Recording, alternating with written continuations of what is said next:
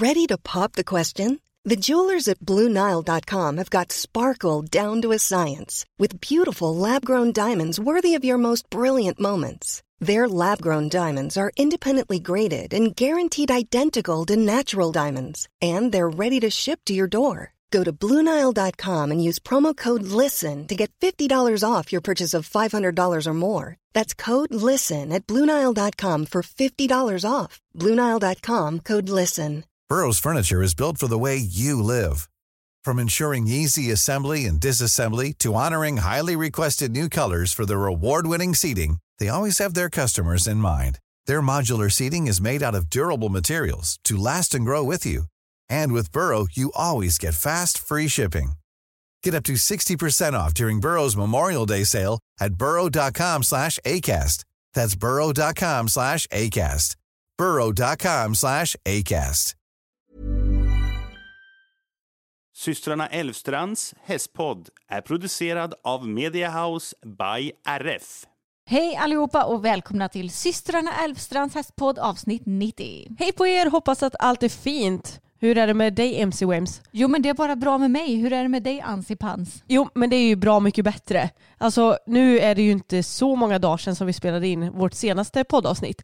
Så att jag är väl inte 100% frisk men jag skulle ändå säga 90%. Ja men vad skönt. Ja. Och det är lite synd att du blev sjuk för vi hade ju egentligen lite planer på att åka till Jönköping Horse Show. Mm. Det har ju varit nu den här helgen. Och eh, sen så fick vi lite eh, ställa in det eftersom du blev sjuk. Ja men det är ju vad det är va. Man kan ju inte rå för om man blir sjuk eller skadad. Och, ja, det är ju väldigt tråkigt men vi hoppas att vi kommer iväg nästa år i alla fall. Ja men det får vi verkligen hoppas på för vi har ju varit där alla år vad jag vill minnas tidigare. Ja, jag tror det och jag tycker att det är så roligt ställe också för att det, man, man får inte kanske riktigt den här Göteborg Horse Show feelingen men det är ändå en stor tävling med mässa och det är en väldigt härlig atmosfär tycker jag. Ja men det är det verkligen. Så vi är avundsjuka på er som har varit där. Det kan vi ju Ja. säga.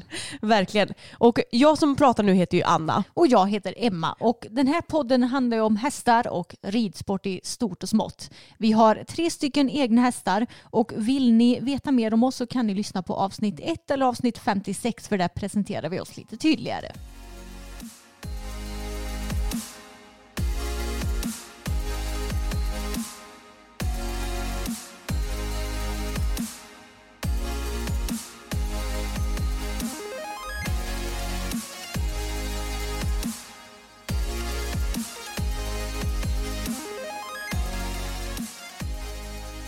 Men i och med att jag blev sjuk så har ju inte jag ridit på länge nu tycker jag. Nej. Men det är ju bara lite drygt en vecka. Ja, vi red ju ut idag tillsammans med Sigrid, vår medryttare, och du sa det att alltså jag har inte ridit ut på en vecka, men jag inser att man blir bortskämd när man rider så mycket som vi gör. För du tycker att ja, du har inte ridit på en vecka och det är ju jättelänge för dig. Ja, men jag menar det, det är ju inte konstigt när man är ridskoleryttare, det har ju vi själva varit, då rider man ju en gång i veckan. Ja. Och sen är det uppehåll på eh, sommaren och så kanske uppehåll även på vintern en liten sväng. Så att det är ju inget konstigt egentligen. Men när man är van vid att rida ja, men, fem, sex dagar i veckan, då blir ju en vecka helt plötsligt väldigt lång. Jo, den blir ju det och jag förstår ju verkligen att du har längtat efter att rida.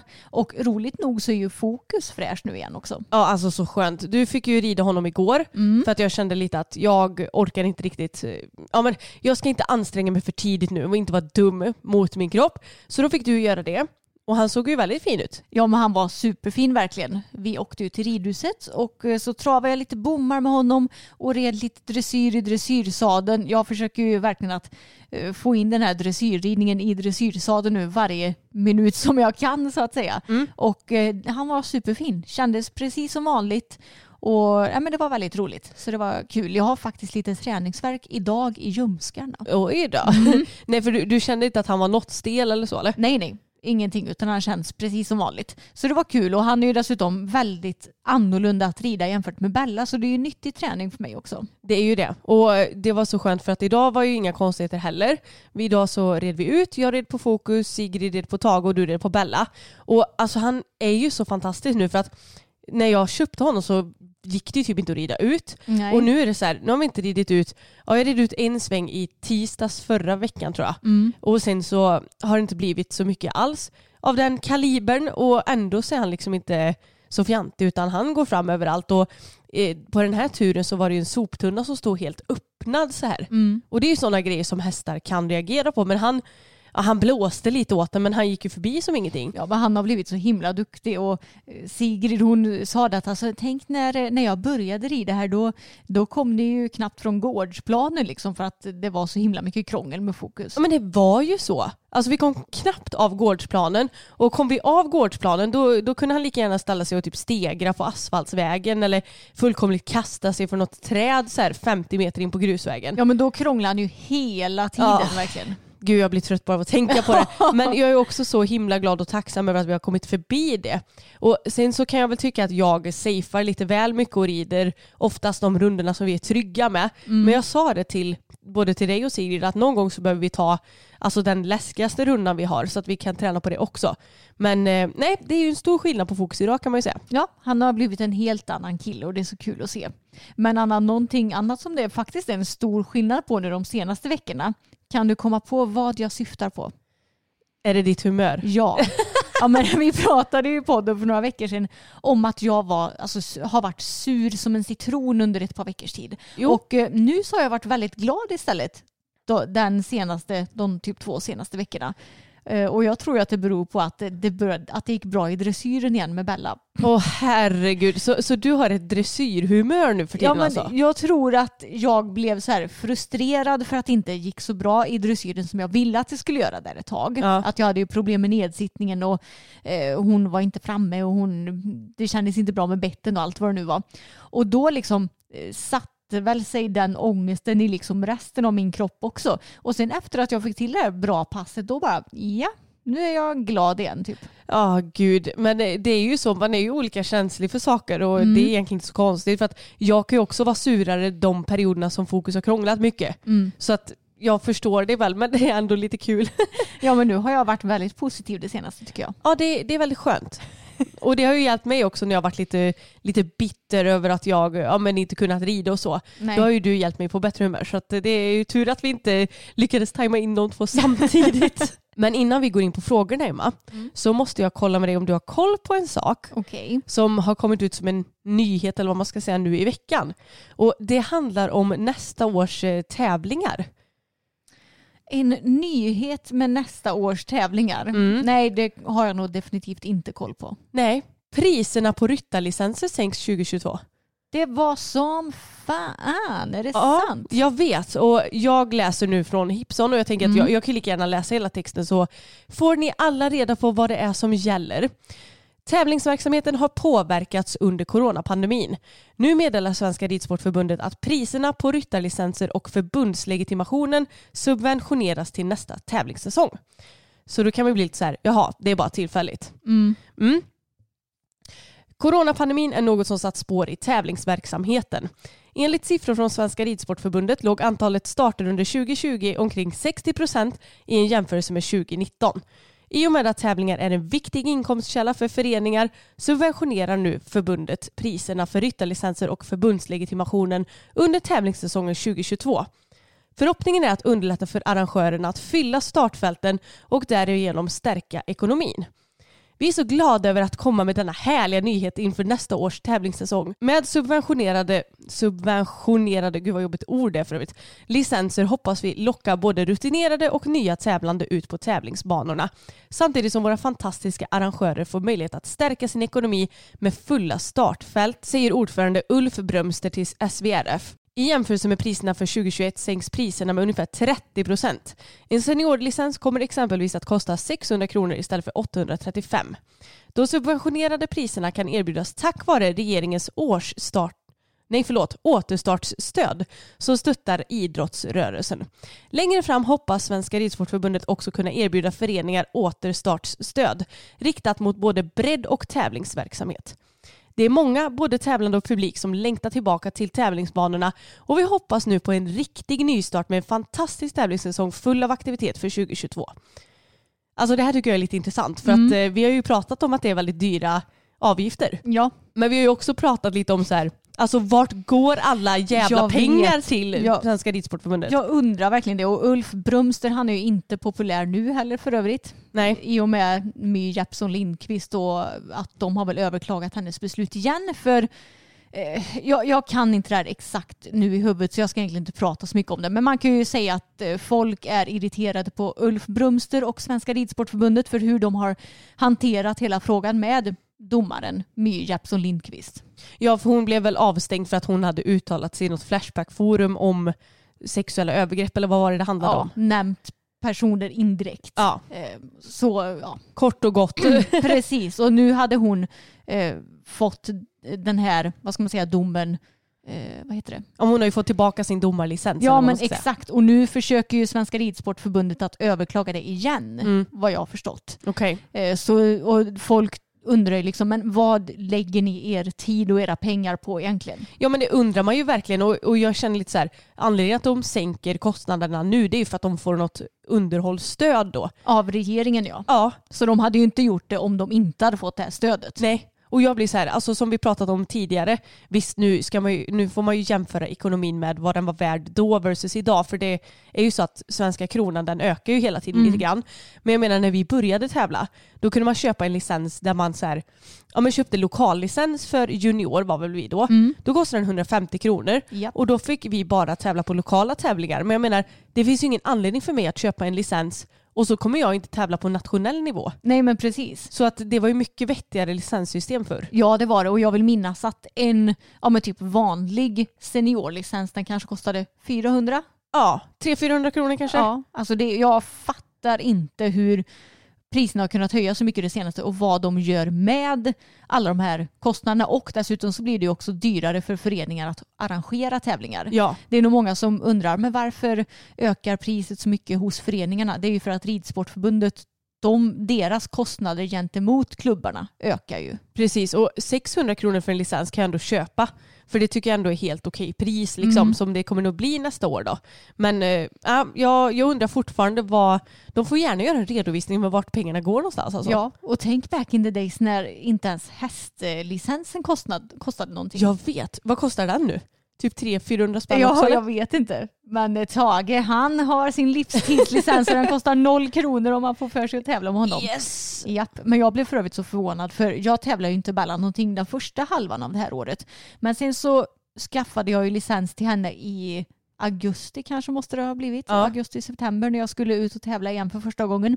Och då var jag inställd på att ja, men jag kommer ju få betala fullpris. Men nej, det behövde jag inte göra utan jag behövde nog bara betala halva den kostnaden. Ja det var ju bra i alla Jag fall. trodde ju faktiskt att de skulle vara så giriga att man fick betala fullpris typ, ja, hela vägen fram till kanske november i alla fall. Ja, nej men det, det var ju ändå bra. Men Mm. ja, det, det här är lite skumt. Men vi får väl ändå vara tacksamma för att vi inte kommer behöva betala riktigt så mycket nästa år då. Ja, det får vi vara. Tack regeringen Ja. för det. precis. Okej, men eftersom det här är avsnitt 90, det vill säga ett jämnt tiotal avsnitt, så innebär ju det att det här är en frågepoddarna. Det stämmer väldigt bra det. Mm, och ni har ju som vanligt fått ställa era frågor på vår Insta-story där vi heter systrarna Elfstrand så in och följ oss där för att inte missa sådana här poddrelaterade grejer som vi ju lägger upp där. Och nu ska vi ta och köra igång med frågorna som jag väljer ut den här veckan. Shoot! Okej, det första. Era bästa tips när man rider en stark häst? Ja, när man rider en stark häst så är det väldigt lätt att, bli, att det blir en dragkamp. Ja. Och att man gärna vill kanske skydda sig själv som ryttare och dra tillbaka hästen om den lägger sig i handen.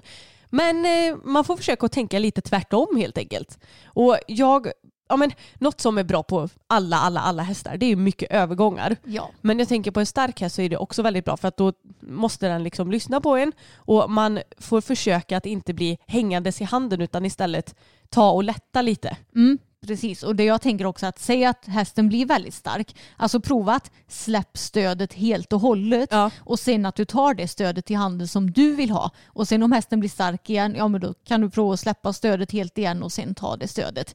Och det här med hästar som är starka, de flesta hästar som är starka är ju det för att de är försvaga i sin kropp och då istället lägger sig i handen. Ifall en häst blir starkare i kroppen så kommer den ju att lägga mer vikt på bakbenen och lätta i fronten och då kommer den också att bli lättare i munnen. Ja, det är lite det jag tänker också. Och något som jag gör, för att fokus kan ju bli lite stark ibland, Mm. det är som du säger att lätta helt i tygen, alltså kanske ta fram handen två decimeter. Ja. Och sen så när jag gör det så kan jag driva på honom lite grann så att han ändå får en bjudning till att ja, men använda sina bakben. Mm. Och sen så fångar jag upp handen och så tänker jag att det här stödet tycker jag är perfekt. Här vill jag att han ska ta ett stöd och inte mer än så här. Och så får man bara fortsätta så tills hästen ja, men tar ett lagom stöd. Ja. Och sen får man ha lite tålamod. Balans och styrka kommer ju inte på en gång. Nej, det gör ju inte det. Men det var väl våra konkreta tips va? Mm, jag tror det. Vilken är eran favoritdialekt?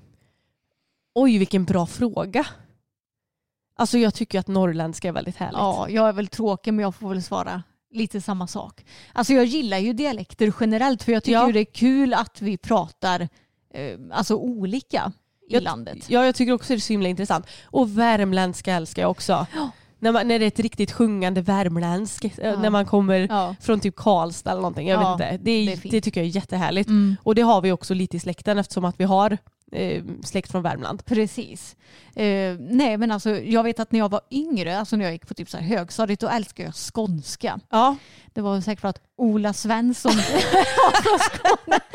Ola Svensson var med i Idol 2005. 2005, det var ju vår största crush back in the days. Gud ja. Mm, nej, så då älskade jag skånska, men nu är inte skånska en favoritdialekt längre, utan nu har jag dragit lite mer upp emot dialekterna mer norrut. ja. Tycker även att eh, typ dalmål är väldigt så här Dalmål, det, Gunde Svan typ. ja, det, det är ju liksom charmigt och gulligt. Ja men jag gillar väldigt många dialekter måste jag Mm. säga. Och det är nog inte jättemånga dialekter som jag stör mig på men riktigt grov göteborgska har jag lite Ja. svårt för vissa gånger. Och riktigt grov eh, stockholmska, alltså där man iar supermycket. ja, Alltså när det- det blir eh, jätteiigt. Det är lite jobbigt. Jag gillade att jag började prata göteborgska nu när jag skulle ia. Men det är ju lite både göteborgska och stockholmska att man iar väldigt mycket. Ja. Det, det har jag väldigt svårt för får jag säga. Ja. ja, hade det inte varit för de där ien tror jag inte att man hade Nej. brytt sig lika mycket. Eller mans ja. Inte Vi. jag heller. Om ni kunde byta liv med någon, vem i så fall? Behöver inte vara hästrelaterat. Oj det var ju en väldigt bra fråga. Mm. Hade man kanske valt han Jeffrey Bezos och typ eh, skänkt massa pengar till behövande och eh, till mig själv om jag hade kunnat byta tillbaka sen? Jo men precis. Men jag, alltså, den spontana som jag kommer på, som ändå är relativt i vår ålder och som är kvinna, det är ju Kylie Jenner. Ja. För hon är ju svinrik och svinframgångsrik. Och det hade varit intressant att veta liksom hur hon vad ska man säga, trivs med sig själv och sitt liv trots att hon har verkligen alla förmåner som finns i hela världen typ. Ja och man tycker ju kanske att hon har allt. Men sen så, alltså det man inte tänker på det är att hon kanske inte alls mår så bra. Mm. Eller så mår hon jättebra och det får man väl ändå hoppas. Men Mm. mm, det hade kanske varit- varit intressant. Men Ja. alltså ärligt talat jag kan inte komma på någon som jag vill byta liv med. Nej, det är svårt och det är väl bra också att man kanske inte känner så. Jag skulle jättegärna vilja byta liv med någon. Liksom. Nej, alltså det enda jag känner det är att det hade varit kul att typ prova att byta liv med någon bara för att se eh, alltså ur ett annat perspektiv. Mm, hur precis. känner, men som du sa lite, hur känner den här personen? Mm. Vad har den för vardag? Vad har den för eh, familj och allt sånt där? Ja. Men jag, jag, jag känner ju att jag trivs ju bra i mitt eget liv. Mm. Så av den anledningen vill jag ju inte byta liv liksom. Nej, det hade varit intressant att byta liv med någon så här riktig elitidrottare också och se hur de, alltså hur de lever sitt liv Ja. under en dag. Alltså jag kan tänka mig att de lever ju säkert väldigt strikt eller man ska säga för att kunna lyckas med sin idrott på den nivån. Säkert. Eh, Men samtidigt så är det säkert väldigt kul. Alltså jag kan tänka mig typ om man spelar fotboll på väldigt hög nivå. Då är man ändå i ett lag och det blir mycket lagkänsla och man har säkert väldigt roligt samtidigt som man får, ja om man är man då, svin mycket pengar för Ja. det man gör. Ja, verkligen. Men eh, då hoppas jag att jag inte får mina bollskills som jag nu skulle byta med en fotbollsspelare tillfälligt. De bara, men för helskotta varför är du så dålig på fotboll? Plötsligt bara, eh, Ronaldo, vad är det som har hänt med det? snubbla på bollen och är, står och rädd i ett hörn typ. Ja, herregud. Ja, fun fact, jag var ju målvakt, fotbollsmålvakt när jag var yngre. Ja. Alltså jag var ändå ganska bra vill jag minnas. Men sen efter det så har jag typ blivit bollrädd. Ja, jag tycker det är skitläskigt med bollar alltså. Ja, man vill ju inte ha dem i ansiktet. Nej, Det har ju hänt några gånger. Ja, det är inte skönt. Tennisbollar och fotboll säkert och allt vad det nu kan vara. Ja, usch. Eller så hade jag bytt eh, med någon britt, nu kommer jag inte på någon på rak arm som Mm. jag skulle kunna tänka mig att byta med och så hade jag bara pratat och pratat och pratat för att brittisk engelska är ju så himla härligt. Och någonting som jag vet att eh, många vill att vi ska prata om det är den här tävlingshetsen. Alltså att eh, hetsen att du inom stationstecken ska tävla bara för att du har hästar och tränar med dem. Ja, och lite vad vi tycker om det. Ja, alltså jag är ju väldigt sån att för min del så tycker jag att det är väldigt kul att tävla. För att jag blir ganska omotiverad om inte jag har någon tävling framför mig. Och då blir jag lite så här, ja, vad ska jag träna på då? Men alla har ju inte det behovet av att ha en alltså tävling som morot. Nej precis och vi har ju kanske lite våra tävlingar som mål att nu, nu har vi som mål att vi ska rida den tävlingen och vi vill ha den och den känslan eller kanske vi vill gärna ha det resultatet. Men jag menar det finns ju hur många mål som helst du kan sätta upp som inte är relaterade till tävling. Ja, och jag kan bli lite irriterad över att det finns folk som anser att de som håller på med hästar och inte tävlar, ja men att de typ inte har något syfte. Nej men precis. Jag menar det finns ju miljarder hästar, okej kanske inte miljarder, men det finns ju många, många, många, många hästar över vår värld och skulle alla tävla hade det varit helt orimligt. Ja, verkligen. Och jag menar, du kan ju fortfarande träna och utvecklas med din häst utan att för den delen skulle vara tvungen att åka ut och tävla och visa upp det. Exakt. Alltså det viktiga är väl ändå att du själv Eh, alltså känner av den utvecklingen och får de resultaten du vill. Eller om du bara vill ha kul. Det, det spelar liksom absolut ingen roll. Så jag fattar inte riktigt varför det är en sån hets på att du ska tävla. Och dessutom kan man ju vara väldigt duktig ryttare utan att tävla också för den delen. Absolut, och jag menar vill du lära hästen byten i varje och piaff och passage eller hoppa eh, höga hinder hemma utan att tävla så är det helt upp till dig. Och, och jag kan bli lite sån här att man får bara försöka att hitta sin inre styrka. Jag tänkte säga, man ska väl inte behöva vara stark för att säga ifrån om folk ifrågasätter att man inte tävlar men jag tror ändå att man behöver väl ha det om det nu är en sån hets ute i, ute i vår värld. Eh, Så stå på er bara. Det, det är inget fel att inte tävla. En lite rolig fråga tycker jag. Varför tror ni att man helst vill rida storhästar när man är liten och ponnyer när man är vuxen? Ja, men alltså, jag tror att det är av samma anledning att eh, lockiga hår vill ha platt och platta hår vill ha lockar. Alltså, man vill ha det man inte kan få. Ja, men så är det verkligen. Och jag vet ju om att när vi har haft till exempel ponnyledningar i parken med vår ridklubb och vi har kanske med oss en jättestor häst och tre stycken shettisar typ. Ja. Vilken häst är det som alla små barn vill rida på? Stora hästen. jättestora hästen. Det är, oj, oj, det är sån kö till den.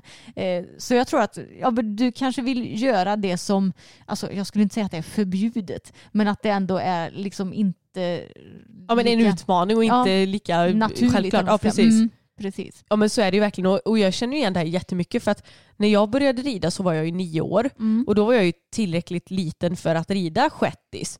Jag tyckte ju att det var så himla tråkigt. Ja, jag vet. Och jag bara längtade tills jag kunde rida ja, men typ Sandra och Hellman som var så här C-ponnys. Ja. Men eh, jag fick ju inte göra det förrän ganska så långt efter. Mm. Och sen så när man väl vux, växer ur de där B-ponnysarna då bara åh nej, Ja. nu får jag inte rida på dem längre. Nej, och jag började rida när jag var 11 och vi var ju alltså väldigt långa när vi var barn och eh, ja, men, även kraftiga då. Mm.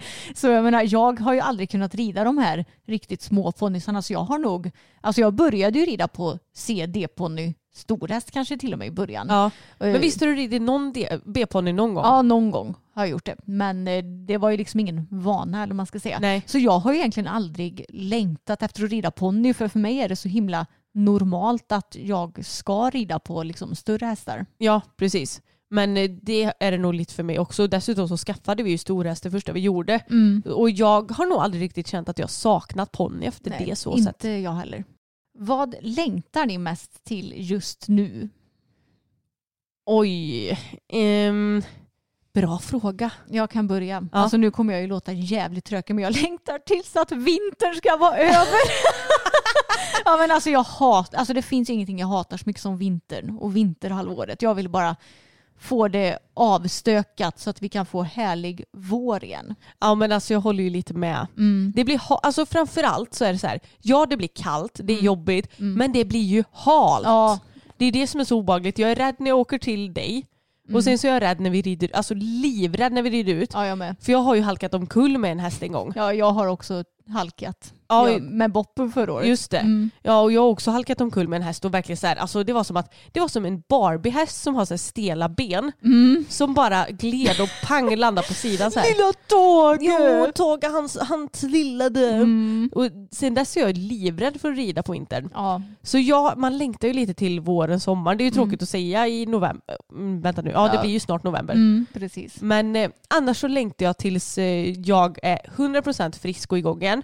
För alltså, det är ju så sjukt när man har, alltså när man har varit förkyld, konditionen är inte densamma. Nej det är den inte. Så jag längtar tills jag är lite tillbaka igen och jag längtar tills fokus är helt igång och jag längtar till vår Bilds C-debut också faktiskt. Mm. Ja men lite kortsiktigt, jag längtar också till fler tävlingar med Bella. Och det är ju lite sugigt det här för jag har insett att jag kommer ju typ ha så här två, max tre tävlingar kvar varav Ja. två är på klubbnivå.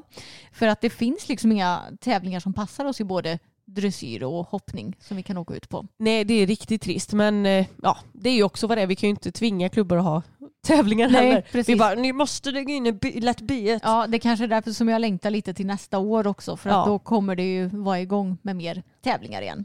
Skulle ni säga att ni lever ert yngre jags dröm? Alltså jag vet inte om jag hade någon dröm när jag var yngre. Nej, det, alltså, jag har väl egentligen alltid tänkt att jag ska vara egenföretagare. Sen har jag kanske inte haft något specifik tanke om vad jag ska göra som egenföretagare. Nej. Så jag skulle väl säga att ja, alltså, det gör jag väl egentligen. Men jag, jag har ju alltid varit en sån här person som inte vetat vad jag vill göra med mitt liv. Nej. Alltså till och med när, folk, när jag var liten så fick jag ju tvinga mig fram till att säga ja men då vill jag ju bli ridlärare. Ja, Det kommer när ihåg. man skulle skriva så här mina vänner-böcker. Mm. Precis, alltså jag, jag, jag var inte sån så jag drömde mig till att bli eh, popsångerska som typ alla ville, även de tondöva kompisarna man hade. Jag hade ju ändå det lustigaste yrket som jag ville, som jag ville bli när jag var barn. Meteorolog! Ja. Stå och peka på en skärm och bara det blir regn i Stockholm idag. ja, men då målade jag upp någon så här Sverigekarta och så lekte jag att jag var meteorolog. Ja, ja, det är ju någon som ska jobba med det också såklart. Jo. Nej men jag har alltid varit väldigt velig med vad jag vill- göra. Så jag tror inte att jag har haft någon sådär klar dröm men jag är ju väldigt nöjd med min tillvaro. Det kan jag ju inte sticka under stolen med. Vilket är det viktigaste målet mat på dagen för er? Mm, jag skulle nog säga lunch faktiskt. Mm.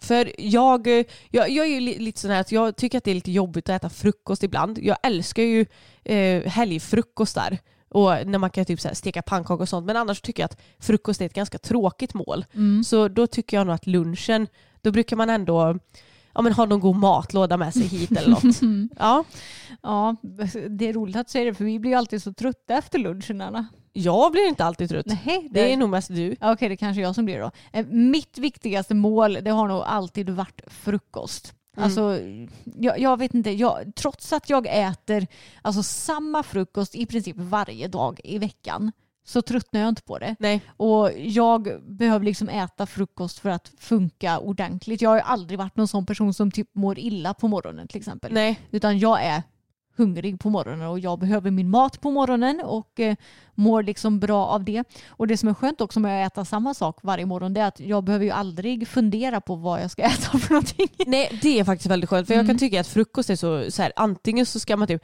steka någon äggröra eller typ laga någon gröt. Alltså det är lite tråkigt att stå och laga det tycker jag. Ja. Och det känns som att frukost vill man bara slänga fram. Men du och jag vi brukar ju käka, och jag äter ju kvarg Mm. och du äter yoghurt. Eller Sojgurt. menar jag. Mm. Ja, förlåt. och så med eh, müsli och... Eh, Granola. Alltså herregud. och lite banan. Eh, hallon för din del. Ja, hallon och banan för min del faktiskt. Men jag måste säga det, om man är en person som mår illa på morgonen, då är det faktiskt väldigt bra att bara ja, men ta någon tallrik yoghurt eller någonting för att då, det är ändå lite lättätet och så får man i sig någon energi. Så det är faktiskt ett litet tips för jag har ju varit sån att jag har mått lite illa på morgonen. Framförallt när jag var yngre. Mm. Och jag gillar ju egentligen om en lunch och middag också men däremot så eh, alltså det här med vad man ska äta. Alltså det är jag, inte alltid nej, så lätt. Inspirationen går ju upp och ner och just nu har jag en liten low-period. Så jag är lite så här trött på lunch och middag nu för att jag vet liksom inte vad jag ska köpa och vad jag ska laga. Nej men så kan jag också ha sådana perioder. Men annars så älskar jag ju alla målmat om dagen. Ja, mellanmål är ju någonting som jag är så himla dålig på att äta. Och jag är så här, jag köper hem typ så här, eh, nu har jag köpt hem Oatlas, det är typ så här proteinchokladpudding, alltså tänk typ ProPud fast det är veganskt. Ja, just det. Eh, ja, det köpte jag i måndag så nu är det fredag. Tänkte jag bra då har jag mellanmål till veckan att äta. Har jag ätit någon av den? Nej det har jag inte gjort. Jag De kommer snart gå ut eller? Eh, nej då, det gör de inte. Så köpte jag så små, små eh, sojgurtar i så här en Typ barnyoghurt ja, typ, Precis. Har jag ätit någon av dem? Nej. Alltså jag är så dålig på att äta mellanmål. Jag köper och tänker att jag ska äta det men sen så blir det liksom inte så. Jag tror det är väldigt vanligt att vara dålig på mellanmål. Mm. Men jag tror också att som, ja men speciellt ryttare som är på språng är ju ganska dåliga på det. Men jag tror att man får sänka sina krav lite vad man får i sig. Jo. För att man, det behöver inte vara värsta måltiden. Nej. Utan det räcker ju om du har, har med dig typ en banan är ju ändå ganska mättande och Mm. bra. Eller om du har någon sån här eh, bar eller vad som helst. Det behöver inte vara så himla flashigt. Nej, och jag kom på det också att jag köpte ju en så här hel låda med Bearbells veganska eh, proteinbars. Ja.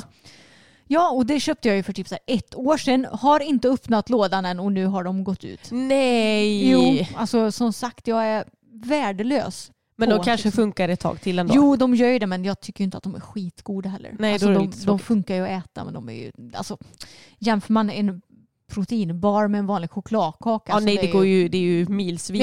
Ja, tyvärr är det ju det. Om det är någon som är intresserad av en utgången bärpälslåda Så finns det att hämta här hos oss i Vara. skicka ett DM.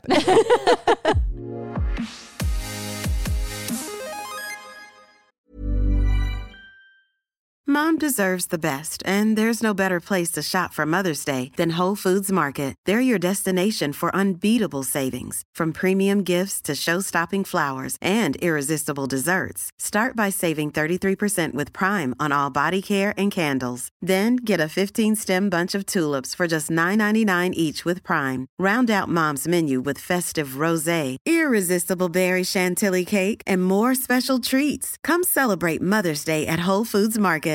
Imagine the softest sheets you've ever felt. Now imagine them getting even softer over time. That's what you'll feel with Bowl and Branch's organic cotton sheets. In a recent customer survey, 96% replied that Bowl and Branch sheets get softer with every wash. Start getting your best night's sleep in these sheets that get softer and softer for years to come. Try their sheets with a 30-night guarantee. Plus, get 15% off your first order at bowlandbranch.com. Code BUTTERY. Exclusions apply. See site for details.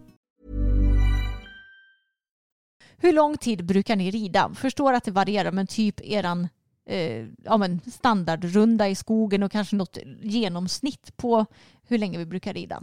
Ja, men jag skulle nog säga att standardrundan, och, alltså nu räknar jag med att vi sitter upp till att vi kommer till stallet, Mm. det tar nog 50 minuter tror jag. Ja.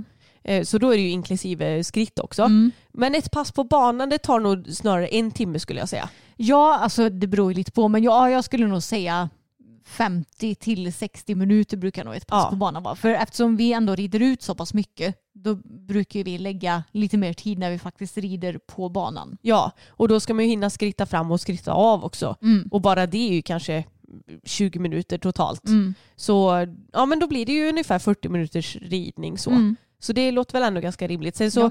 om, ja, men typ som när du hoppade Tage i onsdags, Mm. då, då åkte vi till ridhuset och gjorde det. Då red ni kanske i så här 40 minuter eller någonting för det Ja. blev inte så intensivt. Utan ni, då, då blir hoppningen det jobbiga och då tar ju inte det lika lång tid som ett dressyrpass. Nej, precis. Så man kan väl säga att vi snittar mellan 45 till 60 minuter skulle jag säga. Ja, ungefär. Vad tycker ni om skarpa bett som till exempel Kimblewick eller Pessoa? Ja, alltså Kimblewick är väl ändå helt okej. Ja, För det, alltså, det, det brukar ju, man brukar ju säga så att det beror lite på vad för händer som sitter i slutet av tyger också såklart. ja och det finns ju olika grader i helvetet också. Lite så. Men Pessoa-bett skulle jag aldrig sätta in i min hästs mun. Nej, För det är lätt att det blir för skarpt även om man har en lätt hand. Ja, och sen jag, jag tänker så här när det kommer till skarpa bett att du kanske får ransaka dig själv, din häst och din ridning och fundera på varför du måste ha ett skarpt bett också. Eh, som vi nämnde tidigare så beror det ju oftast på att hästen kanske är för svag i sin kropp. Mm. Eller att du själv kanske brukar rida med en för hård hand och därför behöver ha ett skarpare bett för att få en eh, vad ska man säga, tydligare reaktion ifrån hästen. Jag tror ju säkert många gånger att, eh, om, att du hade kunnat rida på ett mildare bett om eh, du hade ja, men kanske antingen gett det lite tid eller förändrat något med din ridning och så vidare. Alltså som sagt det är ju bara att titta på Bella. Hon har ju aldrig varit stark i munnen. In, inte heller när hon var liksom fem år och väldigt grön och inte så stark i sin kropp. Men hon har ju, ju starkare hon har blivit kroppen desto mjukare har hon blivit munnen. Och nu är hon ju superduper mjuk så att jag får liksom milda ner hennes bett hela tiden istället. Mm. Och jag menar, om du har en häst som kanske är stark från början då kommer du ju också kunna milda ner betten när den blir starkare i sin kropp. Ja, och det är väl inget fel med ett starkt bett, men man kanske kan ha som mål att försöka, som du säger, milda Mm. ner det. För sen så är jag övertygad om att det finns starka hästar Mm. och att det kanske finns, eh, ja vad ska man kalla det, hopplösa fall. Nej men du förstår vad jag menar. Mm. Som kanske inte går att byta bett på. Mm. Men jag tror att de allra flesta kan nog ändå gå åt det mildare hållet Jo. så småningom. Precis, och det jag tänker också det är att eh, det är säkert trevligare för hästen om den har ett lite skarpare bett i munnen men med en liksom lugn och stabil hand Mm. än att du har ett säg, vanligt tränsbett i munnen men sitter och drar och sliter i hästens mun. Absolut. Hur får man en bra relation med sin tränare? Oj, bra fråga. Mm. Eh, jag har nog aldrig riktigt reflekterat över det. Nej, vi har väl eh, i alla fall inte liksom i vuxen ålder haft någon dålig relation till någon av våra tränare. Nej. Alltså jag tänker som så, jag vill gärna ha liksom lite humor med mina tränare som jag rider för. Mm. Och kan liksom skoja till det lite om mina svagheter liksom i sadeln och eh, att man snarare kan liksom vad ska man säga, skratta lite åt det än att allting måste vara på blodigt allvar hela tiden. Ja, att eh, ja, men inte vet jag, långpisken åker fram för att man gör fel. Nej men exakt och att man kanske också är ja, men öppen redan från början med det här och det här har jag problem med och det här vill jag bli bättre med så att du inte sitter och liksom försöker dölja dina problem eller vad man ska säga. Nej, men det känner jag verkligen är bra med de nuvarande tränarna vi har. Mm. Sten i hoppningen, han är ju jätterolig Mm. och, och han kan ju ofta så här, de gånger som inte jag rider eh, men du rider till exempel så kan han ju så här, eh, skämta till lite med mig också när jag Mm. står där på marken. Ja nu är fröken perfekt framme igen brukar Ja. jag ju kalla dig Japp. när du är lite för så här, noggrann. Mm. Eh, och det blir ju att man skrattar åt det istället men samtidigt så tycker jag att han är bra för att ja, men gör du samma misstag två gånger då, då Mm. blir det lite så här bara men nu har jag faktiskt sagt till Ja. dig att göra så här. Precis, då kan han bli lite irriterad Ja. istället. Och det tycker jag är med all rätt för då Mm. blir man lite så här oj jäklar, ja, nu får jag skärpa mig. Nu har det kanske inte hänt mig någon gång vad jag minns men Mm. det är ändå så han är. Ja. Och jag tycker att det är likadant med Johan som vi tränar dressyr för nu. Mm. Och han är också så himla rolig. Han, han är väldigt lättsam. Ja. Han eh, berättar vad man ska göra men är det några oklarheter så, så gör han det på ett väldigt lättsamt sätt. Mm. Och jag kan lite, alltså en spontan tanke är att om man känner att man måste jobba på relationen med sin tränare så kanske det inte är rätt tränare. Nej men kanske. Eh, Nu har ju, det är så svårt för oss att säga för nu har ju vi som sagt haft väldigt bra relation med alla tränare som vi har ridit för det senaste. Ja, Så det, det är svårt att ge tips när det kommer ändå naturligt för oss tänker jag. ja, Eh, Men sen så finns det ju säkert vissa tränare som är eh, vad ska man säga, kanske lite mer slutna och inte så öppna och roliga som till exempel Johan och Sten är då. Ja. Och då kanske eh, då kanske man får jobba lite mer på att det ska bli en avslappnad stämning. För det är ju ändå roligare och lättare att träna om stämningen är avslappnad.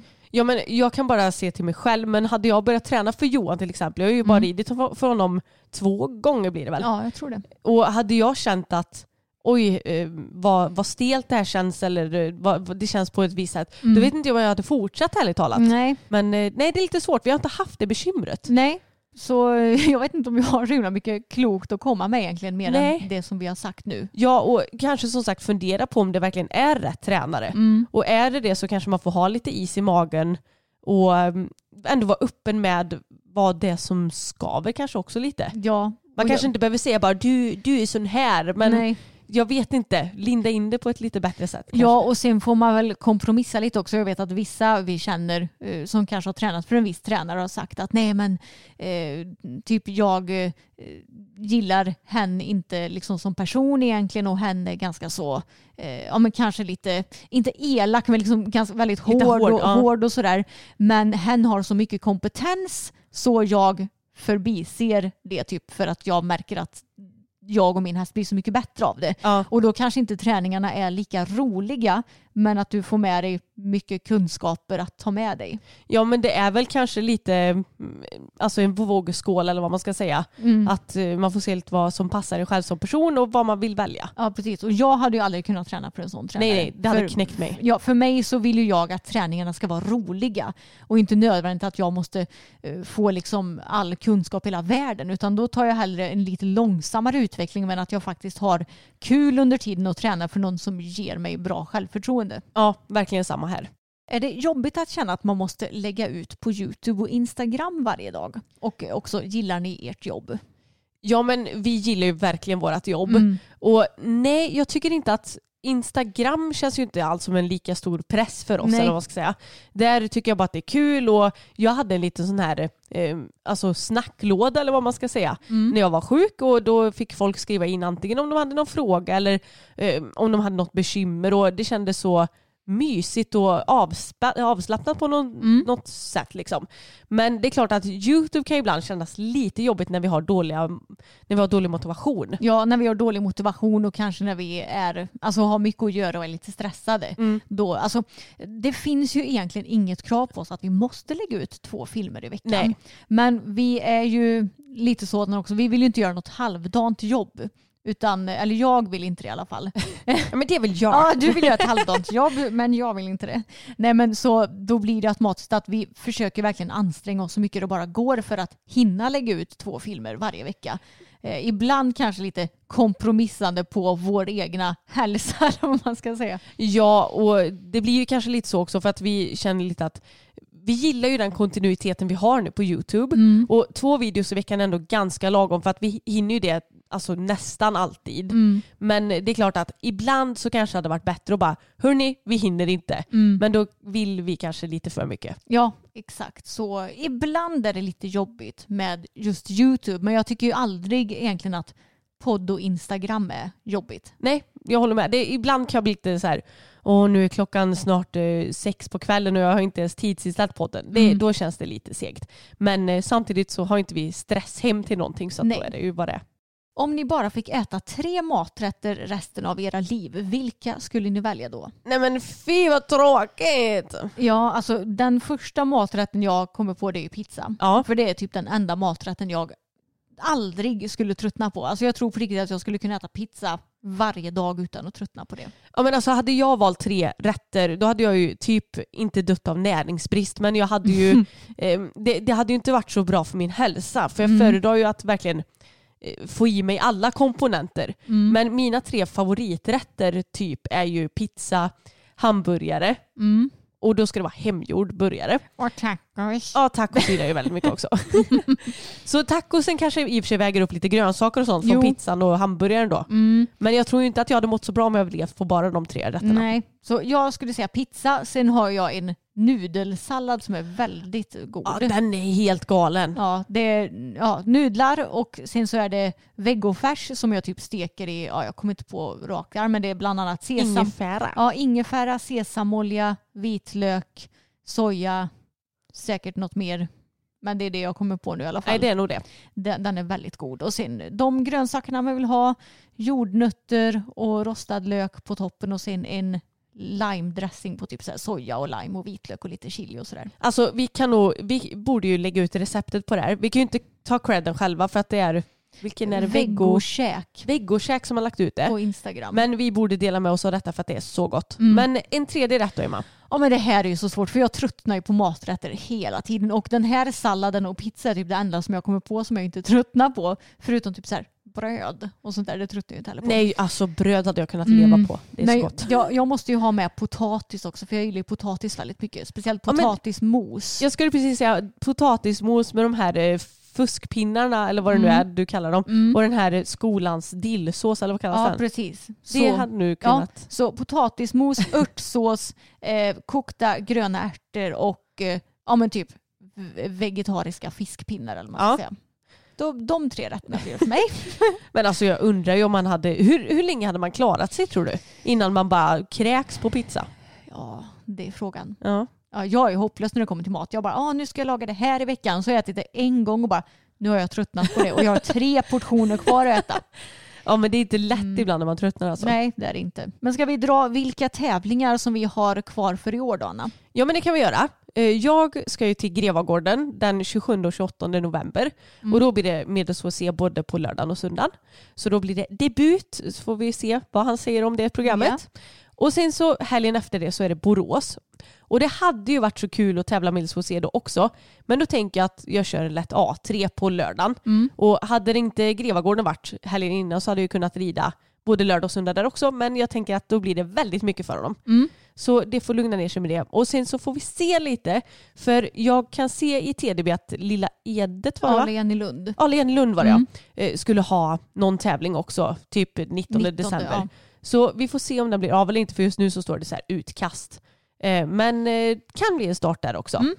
Och eh, jag ska rida KM i hoppning den 14 november på Bellis och då är det 90 centimeter för det är det som KM går i. Hoppas att det blir av för jag vet inte om det är någon mer än jag som anmält mig just nu. Nej inte just nu men folk kanske gör det sen Ja, några dagar innan. Jag får hoppas på det. Jag vet ju att våra storhästryttare har ju lite otur just nu med en del hästar som är skadade och sådär, vilket Mm. är tråkigt. Men jag hoppas att det ska bli någon tävling av det hela.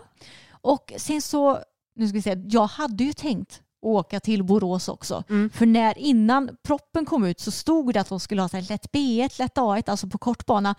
Nej, fatta min frustration när proppen kommer ut och de har ändrat och de bara har program på lång bana. Ja jag vet. Så den tävlingen blev då inte av på mig, som jag, eller för mig som jag hade planerat. Eh, sen är det ju KM i dressyr någon gång i mitten av december också. Ja 14 no- eller december menar jag tror jag. Ja, någon, lite tidigare tror jag kanske. För eh, Alen i Lund är ju 19. Ja just det. det Ja, måste vara veckan innan ja det är det. Mm. Ja, precis. Eh, så jag kanske är med i KM i dressyr som går i lätt B1 va? Mm. Det beror på, jag vet, jag vet ju att vi har ju eh, paratävling då också och då har vi ju kanske stora sådana här parastaket. Eh, och jag vet inte om jag kommer rida den tävlingen om de kommer vara på banan även under våra klasser. För Bella hon, hon är lite tryckkänslig och ja, jag får se lite. Jo tack. När jag eh, skulle träna på banan, det var efter att vi hade haft en paradressyrtävling i Mm. somras. Alltså fokus, han bara, menar du att jag ska gå in där? Jag bara, Mm. ja. Han bara, eh, nej. Så han typ stegrade runt med mig där inne och vägrade typ gå. Så jag, jag fick sitta av och skritta honom för hand runt hela banan och Mm. bara, ja men det här var ju kul träningspass Ja. fokus. Han var livrädd. Precis. Så jag får se. Eventuellt KM i dressyr då i mitten av december. Och sen om Alen i Lunds tävling kommer bli av och ifall de har lätt B1, vilket jag håller tummarna för i så fall. Ja och ifall det är okej väder. Precis, Såklart. Så blir det den 19 december som blir sista, ehm, ja, men sista tävlingen för året. Men Eva, ska vi ta och berätta om den här lite knasiga tävlingen som Ja just det, ja, det är så kul för jag har ju bl- blivit väldigt tävlingssugen nu och så finns det ju typ inga tävlingar att åka på. Så då tänkte jag nu ska jag söka efter tävlingar i liksom de närliggande distrikten också för vi bor ju i Västergötland så vi brukar egentligen bara åka och tävla i Västergötland men så kikade jag runt lite och så var jag inne på Göteborgs distrikt Mm. och då såg jag att Yes, Göteborgs fältrittklubb ska ha en dressyrtävling i slutet av november. Då tänkte jag, Göteborg det är ju bara typ en timme härifrån. Dit kan man ju åka. Och så gick jag in och kollade i proppen. Och eh, jag tänkte ju först att de skulle ha liksom först program på kort bana och sen program på lång bana. Men då visade det sig att de ska ha parallella banor i något stort ridhus, då, kort, kort och lång bana samtidigt. Och sen så är det alltså framridning till alltså två klasser samtidigt då i en 20 gånger 50 meter paddock med tak. Ja. Alltså det låter livsfarligt. Ja men det låter ju ganska så rejält trångt och jag pratade ju om det när jag var och tävlade i Essunga att jag red fram med säkert nio andra ekipage när det var 2260 Mm. och det var trångt. Och Fokus har inga bekymmer med andra hästar så. Det har ju Bella. Hon har ju det så jag kände att nej, nej, nej, det blir inte någon tävling. Nu måste jag gå in och kolla på proppen här för att se Eh, exakt vad det står så inte vi säger något fel. Men jag minns att jag tyckte att det var väldigt eh, alltså konstigt att arrangera det på det viset. Ja, precis. Då är tävlingsbanan i ett ridhus där både det är 2040 och 2060 samtidigt. Framridning utomhus, sandpaddock med tak 20 gånger 50. Och eh, sen så står det också eh, att, nu ska vi se här, det kan vara trångt på framridningen och ingen kan därför räkna med mer än 45 minuter på framridningsbanan. Ja. Nej, det förstår man ju verkligen. Och det kan vara trångt. Alltså, jag tror inte att... Jag ser inte hur man ska kunna få till en ordentlig framridning när det kommer ju garanterat vara typ så här 10 ekipage som ska rida fram samtidigt på en 20-50-bana. Ja, det lär det ju vara. Men alltså jag vet inte, de kanske har haft tävlingar så här tidigare och att det har funkat. Men jag känner lite med, med Bella Eldrumpa, nej. nej, nej, nej. Nej. Vilken är den absolut minsta häst ni hade kunnat skaffa? Oj, tänker man som vi ska ha som tävlingshäst liksom? Ja, men jag tror det. Mm, jag, jag tycker att Tage är lite för liten. Mm. Så absolut minst 165-166 tror jag. Ja, jag håller med. Men helst 1,70. Ja, där, vid 165 tror jag att min gräns går och då får det inte vara någon liksom liten speta på 165 Nej. utan den behöver ändå ha lite massa. Men som sagt, de får ju gärna vara runt 1,70 eller högre. Mm. Vi gillar ju större hästar. Ja, det är det vi har uh, fullit för som jag brukar säga. Fulligt, ja det har vi gjort. Märker Emma av åldersskillnaden mellan henne och Gälle? Eh, Och eh, det skiljer då sex år mellan mig och Gälle som är min pojkvän. Gör jag det? Nej, alltså inte så att det stör mig i alla fall tycker jag. Nej, det, det är inte så att du tänker bara gud vad barnslig han är nu. Nej, nej, och ifall jag skulle tycka det så tror jag definitivt inte att det hade berott på hans ålder. Nej, jag skulle precis säga att jag tror att de allra flesta är lite barnsliga ibland. Mm. Alltså det är väl du och jag också. Ja, verkligen. Men jag skulle inte säga att jag märker av vår åldersskillnad. Nej. Alltså sex år är inte sådär jättemycket. Eh, speciellt inte nu när vi är vuxna. Däremot Nej. får man ju tänka att när jag var 18 så var han liksom 12 och det är lite sjukt. Men så vi, vi har säkert inte samma referensramar på allting back in the days. Liksom. Nej, Nej men, men samtidigt så är det ju, han är ju ändå inom rätt, eh, vad säger man, årtionde. Jo, exakt. Så att det hade nog kanske krockat ännu mer om du var född på 80-talet och han på 90-talet. Fast jag tror att vi nästan är två olika generationer. Blir det det? Ja, vi är generation Y. Jag tror att han är generation Z. För är inte generation Z från 97 och framåt? Är det det? Nu måste jag. Jag trodde det var lite sen. Nej för nu är det gener- generation X. Generation Z eller Gen Z är en benämning på personer som växte upp efter millennieskiftet. Eh, ibland preciserat som personer födda mellan 1997, vilket ju Jalle är, och 2012. Okej då. Så vi är två olika generationer jag och Jalle. Okej då. Ja Mm. men eh, det, oavsett så är det ju inte så himla stor åldersskillnad på er. Nej. Favoritkaraktär i Squid Game. Alltså nu måste vi googla så vi ser vad de heter. Ja. För det är alltså koreanska namn för oss västerlänningar. Det är inte så lätt att... eh, Nej alltså man glömmer ju bort det. Mm. Ja men jag gillar ju Sebyuk. Jag har ingen aning om hur man Ja, uttalar hon, den. hon tjejen. Ja, Mm. nummer 66 eller vad hade hon? 67? Ja, hon, tjejen som eh, är den största, vad ska man säga, kvinnliga huvudkaraktären. Ja precis. Mm. Ja, alltså jag gillar ju egentligen eh, Jihon, alltså själva huvud, Ja. den största huvudkaraktären också. Eh, och sen så tycker jag att hon, eh, den här galna tjejen är rolig också. Ja det är hon. Nu ska ska vi se se. vad hon heter. Han min Neo, men herregud. Han Minju. Han min Neo. Jag har ingen aning. Jo säkert. Ja. Hon tycker jag är väldigt rolig med. ja. Men sen gillar jag ju The Old Man. Ilnam. Ilnam Det ja. är typ den enda som jag kan namnet på utan att behöva kolla upp det. ja. Nej, Ja. men alltså, jag tycker att det är många härliga karaktärer. De har ju verkligen fått med. Men gud nu glömde jag ju verkligen Ali också. Mm. Ehm, han som, vart är det han kommer ifrån? Eh, mm, mm. Pakistan? Ja. Säger den inte det? Pakistan? Jo, jo jag tror det. Ja. Mm. Eh, Det, det är en av de karaktärerna som inte kommer från Korea. Mm. Och han är väldigt härlig tycker jag. Verkligen. Men det, alltså, jag tycker att typ alla skådisar är bra. Ja, det är de. Så att det är svårt att välja en specifik favorit. Mm. Vad är ett måste i ert kylskåp eller frys? Kan du nämna några saker Anna som alltid finns hos dig? Ja men krossade tomater har jag nästan alltid hemma. Mm. För att oavsett om du vill göra bara en pasta med krossade tomater, alltså det är kanske jäkligt tråkigt, men det går ju som nödlösning. Mm. Mm, mm, mm. Vad har jag mer? Ja men kvarg. Det är ju också tråkigt. Gud vad tråkig jag är. Men jag har... Alltså är det någonting ni ska veta om mig så är det att det finns absolut inget lager hemma hos mig i Nej, min men det är- kylskåp. Helt otroligt. Emma bara, nu har jag handlat. Man bara, eko, eko, eko, eko. Jag köper alltid bara precis det jag ska äta. Mm. Så ifall det hade blivit en så här eh, lockdown eller någon så här nödsituation då säger man ju att ja, men man ska ha sparat konserver och mat som man kan äta i sju dagar. Nej, nej, nej. Alltså jag hade... Du hade fått äta hästarnas mat. Ja, på riktigt alltså. Jag, jag har liksom ingenting i min kyl. Det enda som jag alltid har i min kyl det är typ så här ketchup, senap, eh, alltså sådana Ja, det kan man inte laga Nej, någon mat på. Fonder, alltså sånt där som man alltid har för att smaksätta grejer med. Mm. Typ.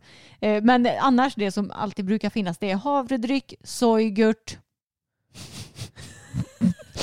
That's kind of Ja men it. det är på riktigt det enda Och som någon jag vet. matlagningsgrädde typ. Ja precis, det är på riktigt det enda som alltid brukar finnas. Sen så köper jag ju bara det som jag ska laga också. Det vill säga ibland typ krossade tomater och fräsch och kikärtor och bönor och allt vad det nu kan vara. Mm. Ja, men jag tror att jag brukar oftast ha någon burk med kikärtor hemma också. Antingen Ja. om man vill göra hummus eller någon kikärtsgryta med krossade tomater Mm. så, så har man det hemma liksom. Ja men det brukar jag också ha. Så ifall det hade blivit eh, någon lockdown så hade jag ju fått leva på min enda kikärtsburk. Du hade fått ta så här Två två... kikärtor om dagen, det är det som jag får äta. Jag tror jag klarar mig lite längre än dig faktiskt. Som tur har jag ju desto mer i min frys. Eftersom när man inte äter kött så är det ju väldigt mycket substitut som förvaras i frysen. Ja. Så i min frys har jag så gott som alltid vegofärs, vegokorv, någon sorts köttbullar.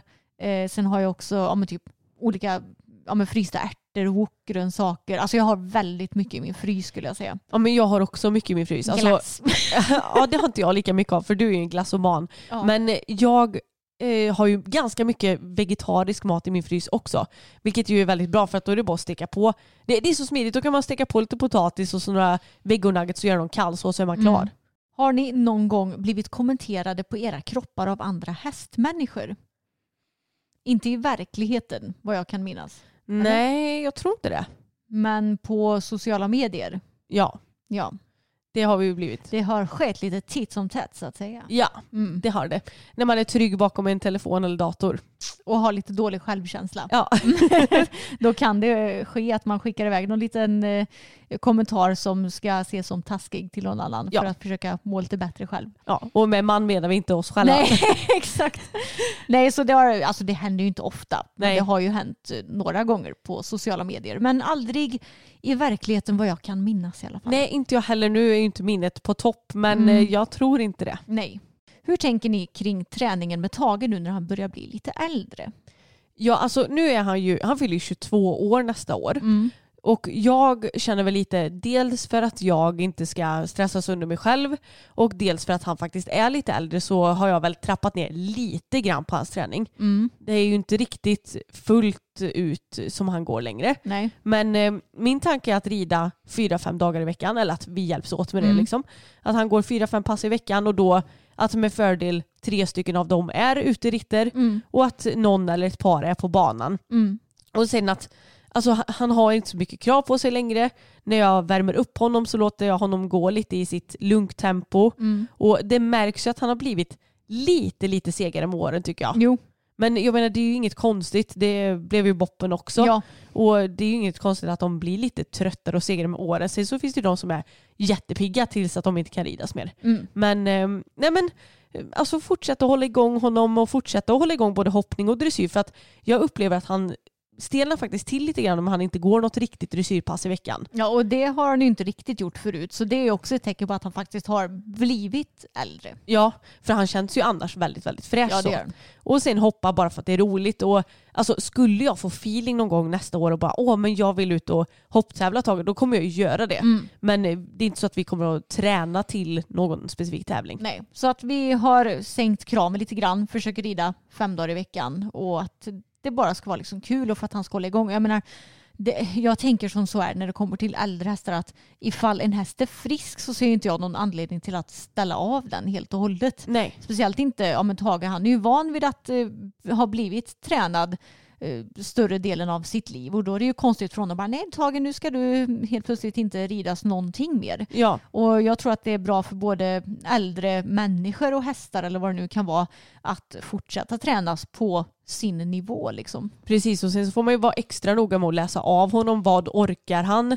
Vad tycker han inte är lika kul längre? Och lite så. Och vi har också fått en fråga om vi vill sälja Tage eller om vi kommer ha kvar honom tills han dör. Och ja, den, svaret på den frågan är helt enkelt att han får vara kvar. Ja. För vi kan ju inte sälja honom. Och dessutom så är han verkligen en fantastisk liten pärla att ha i stallet. För att om jag bara behöver rensa mina tankar, rida ett barbackapass, rida utan utrustning, alltså göra något galet, då är det honom jag väljer. ja. Vad har ni för favoritjulkalendrar under åren? Åh! Alltså jag älskade ju Mysteriet på Greveholm. Ja, jag med. Den, kom inte den samma år du för Nej det var ju Sunes jul. Mysteriet på Greveholm var typ 97 Okej eller jag, jag skojar lite bara. Men eh, jag var ju livrädd för skelettet när jag var liten. Mm. Så jag vet att jag fick gömma mig bakom en kudde när det kom fram. Ja. Men jag älskar både Sunes jul och Mysteriet på Greveholm. Mm, det är mina absoluta favoriter också. Mm. Och sen så kommer man ju ihåg en hel del. Julens... eh, Hjältar, Hjältar. dieselråttor och sjömansbuss. ja. Men det finns liksom ingen kalender som Mysteriet på Greveholm Nej. eller Sunes jul. Och jag vet inte hur många gånger jag har kollat på båda de två. Nej, samma här. Det är så många gånger och jag kanske kommer kolla i år igen. Upplevs Bella större än Fokus trots att de är lika höga i mankhöjd? Nej, tvärtom skulle jag säga. Mm. I alla fall när man rider. Eh, eller Tycker du det? Ja, alltså grejen är att Fokus han har ju större steg än vad Bella har. Jo. Bella hon, alltså vår kompis Moa när hon red Bella första gången, hon bara, oj jag trodde att hon skulle känna stor men hon har ganska litet steg i både trav och galopp Bella trots att hon är stor. Sen har hon ju väldigt mycket massa men hon är ju fortfarande liksom, eh, jag tycker ju inte sällan att hon känns stor att rida. Hon har inte så lång hals heller. Nej, det är väl förvisso sant. Att, eh, det, det kan jag köpa. Men ibland när hon är lite brötig och framförallt när hon var yngre, Jo. alltså när du köpte henne precis, Mm. då tyckte hon kändes jättestor. För att då Mm. hade inte hon någon riktig balans och jag visste kanske inte riktigt hur jag skulle rida henne heller. Så då kändes hon enorm. Mm. Men eh, nu känns hon ju mycket mindre idag. Ja, precis. Nu idag skulle jag säga att Fokus, alltså han känns ju inte mycket större än henne men lite större. Ja, Just för att han rör sig lite mer än vad hon gör. Men Anna, det, det skulle vi pratade ju om Bella förut idag och hur mycket hon har utvecklats i framförallt dressyren då mot när vi köpte henne. För du gillade ju henne egentligen inte alls när vi köpte. stackars Bella. Men jag, jag tyckte inte att jag fick någon härlig ridkänsla. Mm. Och det fick man väl kanske inte heller för att hon var ju ganska obalanserad. Hon hade ju inte varit riden sådär jättelänge Nej. innan du köpte henne. Men du sa ju det också att alltså, förra ryttaren hade ju tävlat inom 10 med henne när vi köpte Mm. henne. Och jag bara, men gud, hur kunde man göra det? Jag tyckte liksom det var obehagligt att rida bara dressyr på banan i princip. Ja, alltså hon har blivit en helt annan häst. Då eh, sprang hon ju på bogarna typ och var ganska obalanserad och, och sådär. Mm. Men sen var hon ju riden av en ryttare som var extremt rutinerad och duktig och då var det inga problem- att tävla i 10 även på en lite mindre stark och mindre rutinerad häst. Nej så är det väl. Men sen när två amatörryttare ska rida så vill man gärna ha lite mer kontroll innan man ska hoppa de lite större klasserna. Mm. Mm. Men hon är skitrolig att rida nu. Ja men det håller jag med om. Hon har ju blivit en jätteduktig liten tjej. Ja, alltså det är helt sjukt. Jag trodde på riktigt när jag köpte henne tänkte jag ja, men hon kommer vara rolig att hoppa men hon kommer nog aldrig vara speciellt rolig att rida dressyr på. Nej. Men alltså nu är ju hon, alltså hon är så jäkla rolig i dressyren. Tji fick du. Ja, tji fick jag. Men det är väl förhoppningsvis också ett bevis på att eh, hårt eh, arbete faktiskt lönar sig. Ja verkligen. Okej, vi tar och avslutar med en sista fråga. Kan ni inte tävla varandras hästar i dressyr i samma klass? Ja men det hade faktiskt varit lite kul. Ja, jag har sagt att vi borde göra ett eh, hästbyte på någon tävling. Ja men det kan vi göra då. Ja, det får bli ett av 2022s mål då. Ja, för det blir ju kanske lite svårt att hinna med det här året. Jo. Men eh, då får vi välja en klass och så får vi se hur det går helt enkelt. Ja, men det, jag tror det kommer bli kul faktiskt. Det tror jag med. Och du är ju lite sugen på att starta Fokus. Det har du sagt. Ja, men det har jag och jag känner ju att jag och Fokus, vi klickar ju egentligen mer och mer i ridningen nu tycker jag, Mm. när han har kommit igång lite.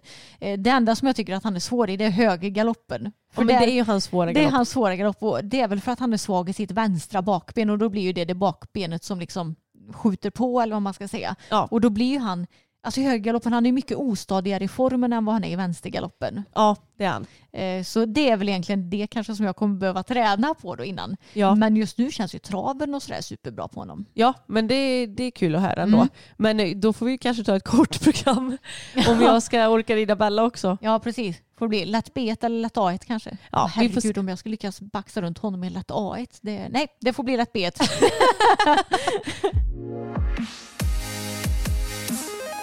Ja men då har vi svarat på ett gäng frågor och det är alltid lika kul tycker jag för att vi får ju ändå ett gäng nya frågor varje gång. Det får vi och det är alltid lika svårt att välja ut vilka frågor som vi ska svara på också. Men nu tycker jag att vi fick en rolig blandning på både lite personliga frågor och hästrelaterade frågor. Ja men jag håller med. Men eh, tack hörni för att ni lyssnat på dagens avsnitt. Glöm inte att prenumerera på podden för då missar ni inte när några nya avsnitt dyker upp. Och sen så finns vi också på Youtube ifall ni är sugna på att se oss i rörligt material. Och där heter vi systrarna Elfstrand. Och vi finns också på Instagram. Där heter vi systrarna Elfstrand, vårt gemensamma konto. Även där ni kan ställa frågor och ibland så undrar vi saker som hur vi ska fira vårt hundrade avsnitt till exempel. Som vi börjar smida lite planer för i Japp. detta nu. Men så heter jag också Anna Elfstrand på Instagram och du heter Emma Elfstrand. Det stämmer. Ha det bäst hörni så hörs vi igen nästa vecka. Det gör vi! Hej då! Hej då!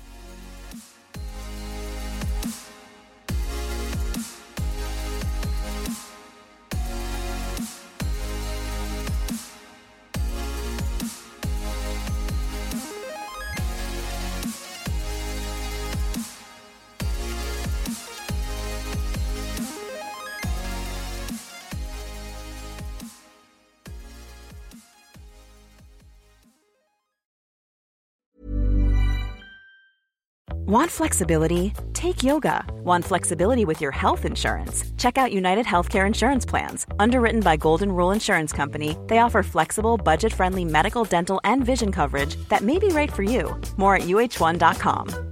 Mom deserves the best, and there's no better place to shop for Mother's Day than Whole Foods Market. They're your destination for unbeatable savings, from premium gifts to show-stopping flowers and irresistible desserts. Start by saving 33% with Prime on all body care and candles. Then get a 15-stem bunch of tulips for just $9.99 each with Prime. Round out Mom's menu with festive rosé, irresistible berry chantilly cake, and more special treats. Come celebrate Mother's Day at Whole Foods Market.